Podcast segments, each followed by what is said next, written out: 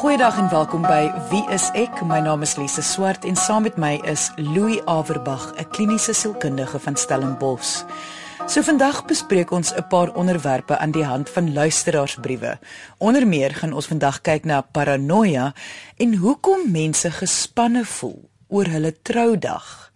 Om briewe te bespreek is altyd my gunsteling episodes want dit gee ons die geleentheid om na verskillende onderwerpe te kyk. Ons wil net die luisteraars herinner dat alle briewe wat op wie is ek bespreek word anoniem bly. Ons verander selfs van die bewoording om seker te maak die identiteit van die skrywer bly anoniem. Kom ons luister na die eerste brief van die dag, voorgeles deur ons assistent Monica. Beste Louie en Lise. Ek is 'n 40-jarige vrou, getroud en ma van twee pragtige kinders.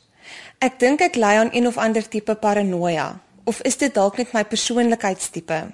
As kind was ek geweldig skaam en teruggetrokke. Ek het baie in my lewe uitgemis as gevolg van my teruggetrokkenheid en gebrek aan waagmoed. Ek het geleer om stil te bly en net weggeraak in die skare. Ek het eers as volwassene regtig uit my dop begin kruip en makliker vriendskappe en verhoudings begin, maar voel tog steeds dat ek nie inpas nie. Ek voel ek is nie soos ander nie en voel vir die groter deel van my lewe misunderstood deur my vriende, my ouers, skoonouers en selfs my man. Dit voel of mense oor my loop. Ek glo mense hou nie van my nie en verdra my net. Ek voel minderwaardig die heeltyd. Dit voel soos 'n oorlog in my kop. My gedagtes vertel my allerlei negatiewe dinge wat ek glo die waarheid is. Byvoorbeeld, ek het vanoggend 'n kollega van my man by die gim gegroet. Ek en sy vrou was vriendinne. Ek het van haar gehou, maar sy het net eendag ophou bel en belangstel. Toe hy omdraai en wegloop, ontplof daar gedagtes in my kop dat hierdie ou eintlik die oorsaak is dat ek en sy nie meer vriende is nie, want hy hou nie van my nie en hy het haar beïnvloed. Ek en my dogtertjie se juffrou het 'n misverstand gehad oor 'n ekstra klas se kwartaalfooie. Dit voel vir my of sy my skielik soos een van haar leerlinge hanteer en haar houding teenoor my en my kind verander het. Ek maak afleidings uit mense se gesigsuitdrukkings, lyfstaal en optrede en ek glo dit. Hierdie is maar net twee voorbeelde van goed waarmee ek daagliks vroeg. Ek is ook bekommerd oor my dogtertjie wat baie dieselfde gedrag en temperament as ek wys. Ek wil vir haar 'n beter lewe hê. Ek self wil so graag 'n beter gehalte emosionele lewe hê en net normaal wees. Help asseblief. Indien jy wil hê ek en Louie moet jou brief, storie of vraag hier op Wie is ek bespreek, kan jy ons kontak deur ons webwerf wieisek.co.za of gaan na ons Facebookblad onder Wie is ek met Louie en Lise. Onthou alle briewe wat bespreek word sal anoniem bly. Louis, voor ons die detail van hierdie brief bespreek, verduidelik net gou eers wat presies is paranoia. Ek hou van die woord vervolgingswaan. En dit is wat paranoia op sy ergste is, die gevoel of die persepsie of die oortuiging dat mense teen jou is. Hulle praat van jou, hulle skinder agter jou rug, daar's 'n komplot teen jou. Uh, hulle hou jou dalk dop wie ook al hulle is. Dit is 'n gevoel van hulle teen my. En natuurlik kan dit in verskillende grade voorkom, nê. Nee. Baie van ons ken die gevoel van suspisie dalk. Het iemand nie nou dalk vir my geskinder daar agter die rug nie. Hmm maar dit is maar net 'n normale vorm van paranoia wat ons dalk almal ervaar vir 'n flitende sekonde of 'n minuut of 'n uur. Wanneer dit baie gereeld voorkom en hoe erger en hoe meer intens dit voorkom, begin ons nou van paranoia as 'n sindroom praat of as 'n toestand. Daar waar sy sê ek dink ek ly aan 'n tipe paranoia. Wat dink jy? Het ons dalk hier met paranoia te doen of kan hierdie trekke wees van 'n sekere soort persoonlikheid? Kyk, dit is moeilik om te sê, maar As mens kyk na hoe sy dit skryf, reflekteer sy op hierdie ding en sy sê maar ek kom agter, ek is meer paranoïed soos wat dit aangaan. En dit klink tog asof sy al hoe meer paranoïed raak, met ander woorde meer as die gemiddelde persoon. Dis baie moeilik om te sê ek kan nou nie sê of dit 'n tipe persoonlikheid is en of dit dalk 'n 'n tipe toestand is wat besig is om te ontwikkel nie maar 'n ligte vorm van paranoia, soos sy dit ook sê, is besig om te ontwikkel, ja.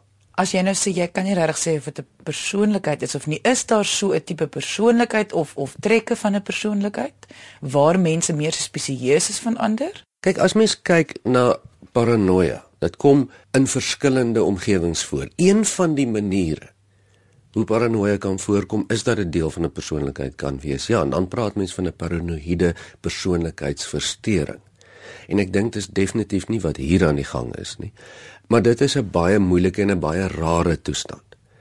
Paranoia kom ook baie voor saam met skizofrenie oor 'n lang termyn of op 'n kort termyn saam met psigose al is dit 'n toksiese psigose wat beteken dit kom saam met sekere chemiese stowwe of dwelmmiddels.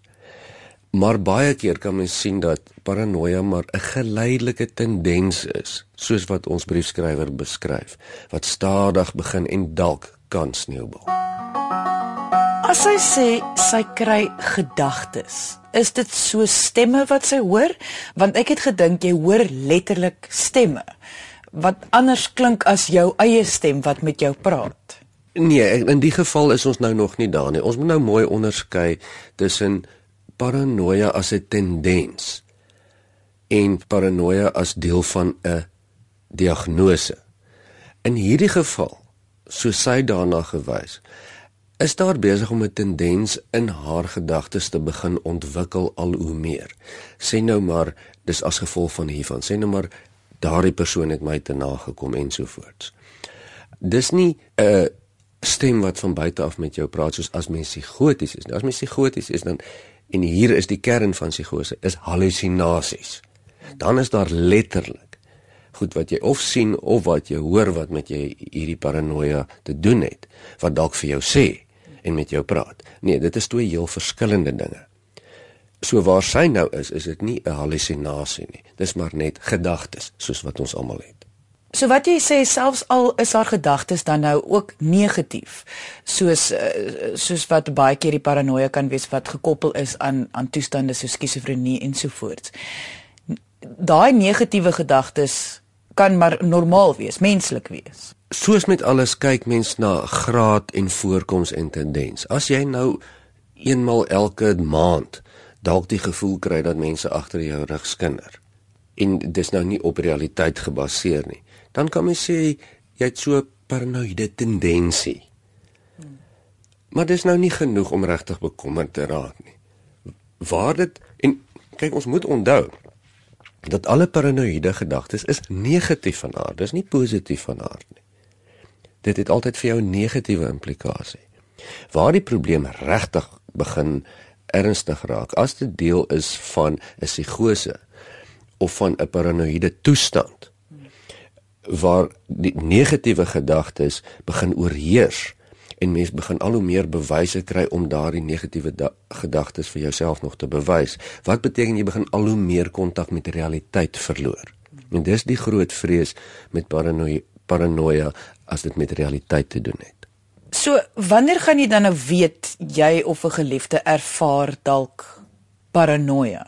Jy gaan dit sien van buite af as dit by 'n geliefde is of iemand wat jy ken. Uh van buite af sê jy duidelik begin agterkom dat die persoon se lewe word ingeperk op 'n interpersoonlike vlak. Jy kan dit nie wegsteek nie.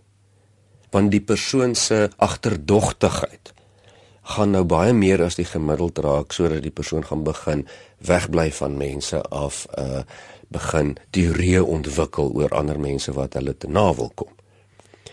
Maar as jy self daar is en dit is iets wat jy van jouself agterkom as 'n tendens soos die briefskrywer. Is dit maar net soos enigiets anders wat mens van jouself agterkom. Genade, ek is besig om hiemerig te wees die afgelope tyd of uh depressief te wees of half agterdogtig te wees.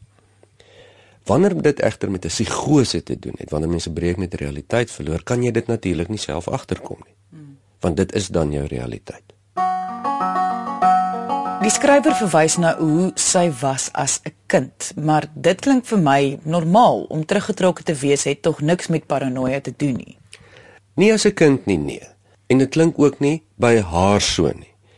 Maar as jy van nature dan teruggetrokke is, veral as kind, dan ontwikkel jy gewoonlik ook nie selfvertroue in interpersoonlike situasies nie. Nee, mens bly weg van van kontak af soos wat sy gesê het. En deel van ons manier om die lewe te moet kan aanvat, die vermoëns wat ons moet ontwikkel, is ons oordeel in interpersoonlike situasies, sosiale situasies. En as jy jou weghou van mense af al van kind af, dan leer jy nie om die situasies te kan lees en te kan verstaan nie. As daar byvoorbeeld twee mense in die hoek sit en hulle sit in gesels by mekaar. Meeste van ons kan sien of hulle is vies vir mekaar of hulle gesels maar net. Gesels definitief nie oor my nie. Maar as jy nie daardie interaksie gereeld het nie, kan mens dit nie ontwikkel nie. Dan is dit baie maklik om 'n paranoia te ontwikkel. Want jy moet nou maar 'n tipe van 'n teorie ontwikkel oor waaroor mense praat en wat hulle doen. So wat jy sê is ons skrywer te doen met 'n paranoïese tendens. Is dit kan sy dit maar net los, kan sy maar so aangaan of of is dit baie net so belangrik om so gou as moontlik iets omtrent te doen? Kan daar 'n sneeubal effek met ander woorde wees? Kan dit erger en erger raak? Ek dink dit kan definitief erger raak. En die eerste tekens dat dit erger raak is nou hierdie paranoia wat begin ontwikkel. Wat ons hiermee sê is dat haar probleem nie noodwendig miskien sit in die paranoia nie, maar in die angstigheid, die weghou van mense af, die wantroue in mense oor die algemeen, dit waaroor dit gaan, waarom sy van kleins af so skie is vir mense. Dit is wat veroorsaak het dat die paranoia nou begin ontwikkel. So ja, ek dink sy moet dit aanspreek. En nie so seer die paranoia nie, maar die hele opbou hiertoe. En ek neem aan professionele hulp is die beste antwoord hierso. Ja, ek dink definitief so. Die dame sal moet by 'n professionele persoon uitkom om te keer dat daar paranoia 'n probleem raak. En ek sou sterk aanbeveel dat sy dan by 'n sielkundige begin. Maar nou soos jy dit sê, voel dit vir my om hulp te gaan kry gaan dalk ook 'n probleem wees, want kan haar gedagtes nie om haar woorde te gebruik, nie nou vir haar vertel ons is verkeerd en dat sy nie vir ons moet luister nie. Dis nog nie so ver nie. As mense regtig in 'n greep van paranoia en ek praat van 'n realiteitsbreek vasgevang is, dan is dit 'n geweldige probleem om professionele hulp te kry want dan glo so 'n persoon almal en alles is teen hom of haar en is 'n geslepe komplot. Dis nie waarmee ons hier te doen het nie. Ons briefskrywer het nog verreweg genoeg oordeel om die brief te kan skryf om agter te kom hier is 'n probleem en sy wil keer dat dit nie verder gaan nie. So Louis, wat sal jou antwoord vir die skrywer wees? Dat dit 'n goeie ding is dat jy hierdie e-pos gestuur het en dat ek dink jy dit baie goed raak sien dat dit 'n probleem kan raak. So goed raak gesien en moet dit nou nie los nie. Kry nou maar professionele hulp van een of ander aard. Ek dink nie jy moet dit oorweeg om dit nie te kry nie, want die paranoia sal erger word as jy dit nie doen nie. Ons bespreek vandag 'n paar onderwerpe aan die hand van luisteraarsbriewe. Voor die advertensiebreek het ons 'n brief bespreek van 'n luisteraar wat vermoed sy mag dalk diagnoseerbaar wees met paranoia. Indien jy dit gemis het en belangstel om meer te weet van die onderwerp, kan jy na die pot gooi gaan luister op RSG se webwerf. Dit is rsg.co.za. Klik net op potgooi, soek net vir wie is ek en luister na die episode volgens die kort beskrywing of uitsaai datum. Kom ons luister na die volgende brief van die dag, voorgeles deur ons assistent Monica. Louis en Lise. Ek is 'n man van 36. Ek is verloof aan 'n wonderlike vrou. Sy is 5 jaar jonger as ek. Ek is baie lief vir haar, maar ek is nie seker of ek wil trou nie. Ek betwyfel glad nie om die res van my lewe saam met haar te wees nie, maar ek voel ongelooflik gespanne oor die troue of huwelik of net die troudag. Ek is self nie seker nie. My verloofde is besig om ons troudag te beplan en sy vra my daagliks vrae wat ek nie kan antwoord nie. Want as ek aan ons troudag dink, voel ek dadelik geïrriteerd. Ek kom agter dat ek haar begin vermy, net om nie oor die dag te praat nie. Dit veroorsaak dat ek nog meer gespanne raak, want nou is ek bang sy dink ek wil haar nie meer hê nie. Wat gaan aan met my? Wat kan ek doen om nie so gespanne te voel oor ons huwelik nie? Ek hoop julle kan my help asseblief. Dankie. Louis, met die eerste oogopslag sal mens seker dink hierdie man wil nie met sy verloofde trou nie, want hy is dalk nie so lief vir haar soos hy dalk dink nie. Maar ek vermoed dit is nie so eenvoudig noodwendig nie. Of wat dink jy? Ja, nee, definitief nie. Hy sê tog duidelik dat hy vir haar lief is, hy wil met haar trou. Ek dink nie dat dit noodwendig so ernstig is nie. Eh, want hierdie is 'n bekende toneel. Ons ken dit. Die gespanne bruidegom voor die tyd, die gespannendheid tussen die paar wat nou gaan trou met die troureëlings wat de mekaar is, die onsekerheid uh en die spanning wat aan die lig is. Baie mense ken hierdie toneel voor 'n troue. Sy gedrag voel vir my wel soos angstige gedrag omdat dit juis so toekomsgerig is wat tog een van die hoofeienskappe van angstigheid is. Ja, hierdie is nou lekker angstige gedrag. Jy is heeltemal reg. En dit is op die toekoms gerig, maar dit is nogal spesifiek. Dit gaan nou oor hierdie troudag of die troue. Anders as 'n algemene tipe angs wat ons baie bespreek op ons program wat dit doen net met 'n va konstante sielkundige angstigheid.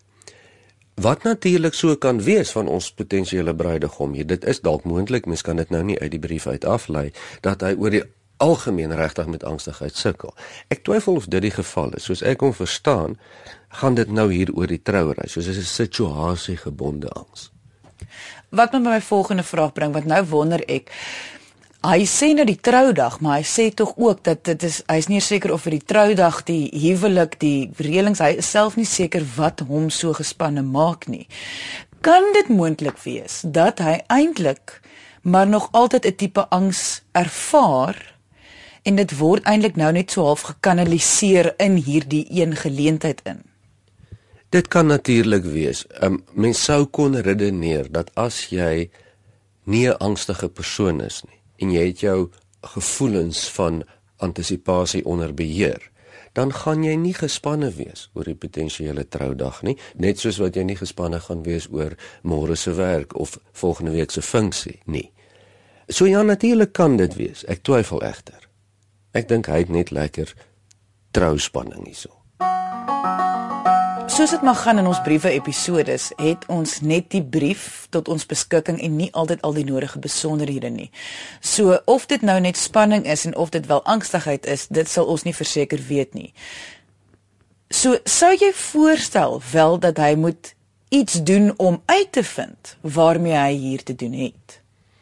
Ja, om op 'n manier beheer oor die situasie te kry, dit sal vir hom heelwat makliker wees. Wat mens egter duidelik sien uit sy brief uit is dat dit 'n stryd is tussen denke en gevoel hier. Sy denke is baie helder hier en baie duidelik. Hy weet presies wat hy wil doen en wat hy moet doen. Maar wat hy konstant vir ons sê is ek voel heeltemal vreemd. Ek voel angstig, ek voel onseker. So sy emosies is eintlik alwaaroor hy skryf. Hy praat nie oor sy denke of sy optrede nie. Dis baie duidelik dat hy gaan voortgaan met die troue. En hy weet eintlik dis wat hy wil hê. Dit voel net vir hom vreemd. So sy gevoelens en sy emosies is nou maar onder aanslag hierso. Vir diegene wat nou luister na hierdie wat dalk ook nou hier net voor 'n troudag staan wat wel miskien nie in presies dieselfde situasie is nie met ander woorde kan dalk angstigheid wees. Sou jy dan voorstel dat mens eers moet seker maak hoekom 'n mens so voel? Dit sal 'n algemene baie goeie beginsel wees. As mens tog agterkom dat jy uitermate gespanne is vir 'n situasie waarin jy jou vrywilliglik in begewe het en wat jy graag eintlik wil doen, dan regverdig dit daarom seker die gedagte om net bietjie daaroor te dink ten minste dan. Hoekom is ek so gespanne? Wat gaan aan? En as ek dit nie kan uitsorteer nie, miskien met 'n vriend praat of iemand anders praat en net so 'n paar gedagtes ruil. Ja, dit sou tog 'n sinvolle manier wees, so, eerder as om dit te ignoreer. Jy luister na Wie is ek met Louie en Lise op RSG 100 tot 104 FM. Oor die algemeen, wanneer iemand nie seker is of dit 'n goeie idee is om te trou of nie, 'n gevoel wat ek al baie oor gelees het en baie mense ervaar voor hulle troudag. Wat moet jy dan doen? Moet jy nie hopelik maar eers uitvind hoekom jy so voel voor jy dan nou trou nie? Ja, kyk, daar stem ek met jou saam. As dit nou 'n situasies wat al baie lank aankom vir maande. Hierdie troudag is vasgemaak en van daar af is jy nou gespanne en dinge is nie lekker nie. Dis natuurlik 'n goeie aanduiding. Mens wil tog seker maak dat jy nie 'n fout maak nie. Jy wil ehm um, graag reflekteer en soveel as moontlik doen om seker te maak dat jy jou nou die dat jy nou die regte stap neem. Indien hierdie 'n geval is waar daar nou 'n spanning opgebou het hier kort voor die troue, soos wat dit klink vir my by die briefskrywer se geval is. Sou ek nie so vreeslik daaroor bekommerd wees nie want hy weet duidelik wat hy wil doen en dit is eintlik baie normaal onthou wat so trouery impliseer. Dit is kollig, dit is aandag. Ehm um, die fokus is op jou. Jy moet so half gaan en 'n vertoning hou vir die familie en vriende wat daar is. En baie mense hou nie daarvan nie. Dit maak hulle gespanne. Dit kan selfs so eenvoudig soos dit wees. Dit voel vir my die enigste manier om doodseker te wees oor jou besluit om te trou is om heel eerste te werk aan die kommunikasie tussen jou en jou verloofde om seker te wees albei is op dieselfde bladsy oor wat vir hulle voorlê in die huwelik. Dit sal tog vir albei partye die nodige antwoorde gee oor so 'n groot besluit, soos die huwelik, wat tog die gespannendheid en die angstigheid ook sal aanspreek. Daarmee stem ek absoluut saam. Voorhuwelikse berading is 'n baie baie goeie praktyk. En dit het nogal 'n ritueel geword in baie kulture. In baie moderne kulture ook gaan mense vir voorhuwelikse berading of dit by geestelike leiers is of by sielkundige is. Dis amper daardie proses van kom ons maak seker met wie ons hier te doen met wie gaan ons trou, uh, wat moontlik kan verkeerd gaan. Ehm um, wat is jou verwagtinge, wat is my verwagtinge, dan weet ons presies waarvoor ons ons inlaat. Dis 'n fantastiese praktyk want dit presies soos jy sê neem dan onsekerheid weg vir as die troudag nou aankom. En wanneer daar nie meer onsekerheid is nie, is daar gewoonlik nie meer gespannendheid of angstigheid nie. Ja, as dit dieper lê as net gewone ou jitters vir die dag wat voorlê. Nou soos hy self sê, hy hy is nou besig om sy verloofde te ignoreer omdat hy so gespanne is. Sou dit jou antwoord dan vir hom wees? Miskien net gaan werk aan die kommunikasie en praat met haar oor wat gaan die huwelik vir hulle albei beteken? As hulle dit nie alreeds gedoen het nie, maar in hierdie tyd nou klink dit asof hy daarom so ergens 'n uurtjie vir haar in die hande moet kry en net so 'n paar gedagtes gaan ruil. Ek wil amper sê om te kyk dat hulle nog op dieselfde basis is. Want ons weet hoe gaan dit met baie troues. Dit is 'n gerondskarrel. Bruid, die potensiële bruid is op haar senuwees, wil ook graag hê alles moet mooi uitwerk. Dit is 'n tyd waar waar mense wat gaan trou nogal baie vassit. So dit is 'n gespanne tyd, ja. En as ek jy was sou ek maar nou net seker maak dat hulle nou so bietjie konnekteer voor dit nou weer getrou, voor die troue gaan plaasvind. Mens wil amper sê om te trou, die voorafreëlings en alles is amper soos die heel eerste argument van jou huwelik. En as mens dit sommer nou al kan aanspreek, die regte kommunikasie daar met mekaar hê, is dit al klaar 'n goeie manier om die huwelik te begin.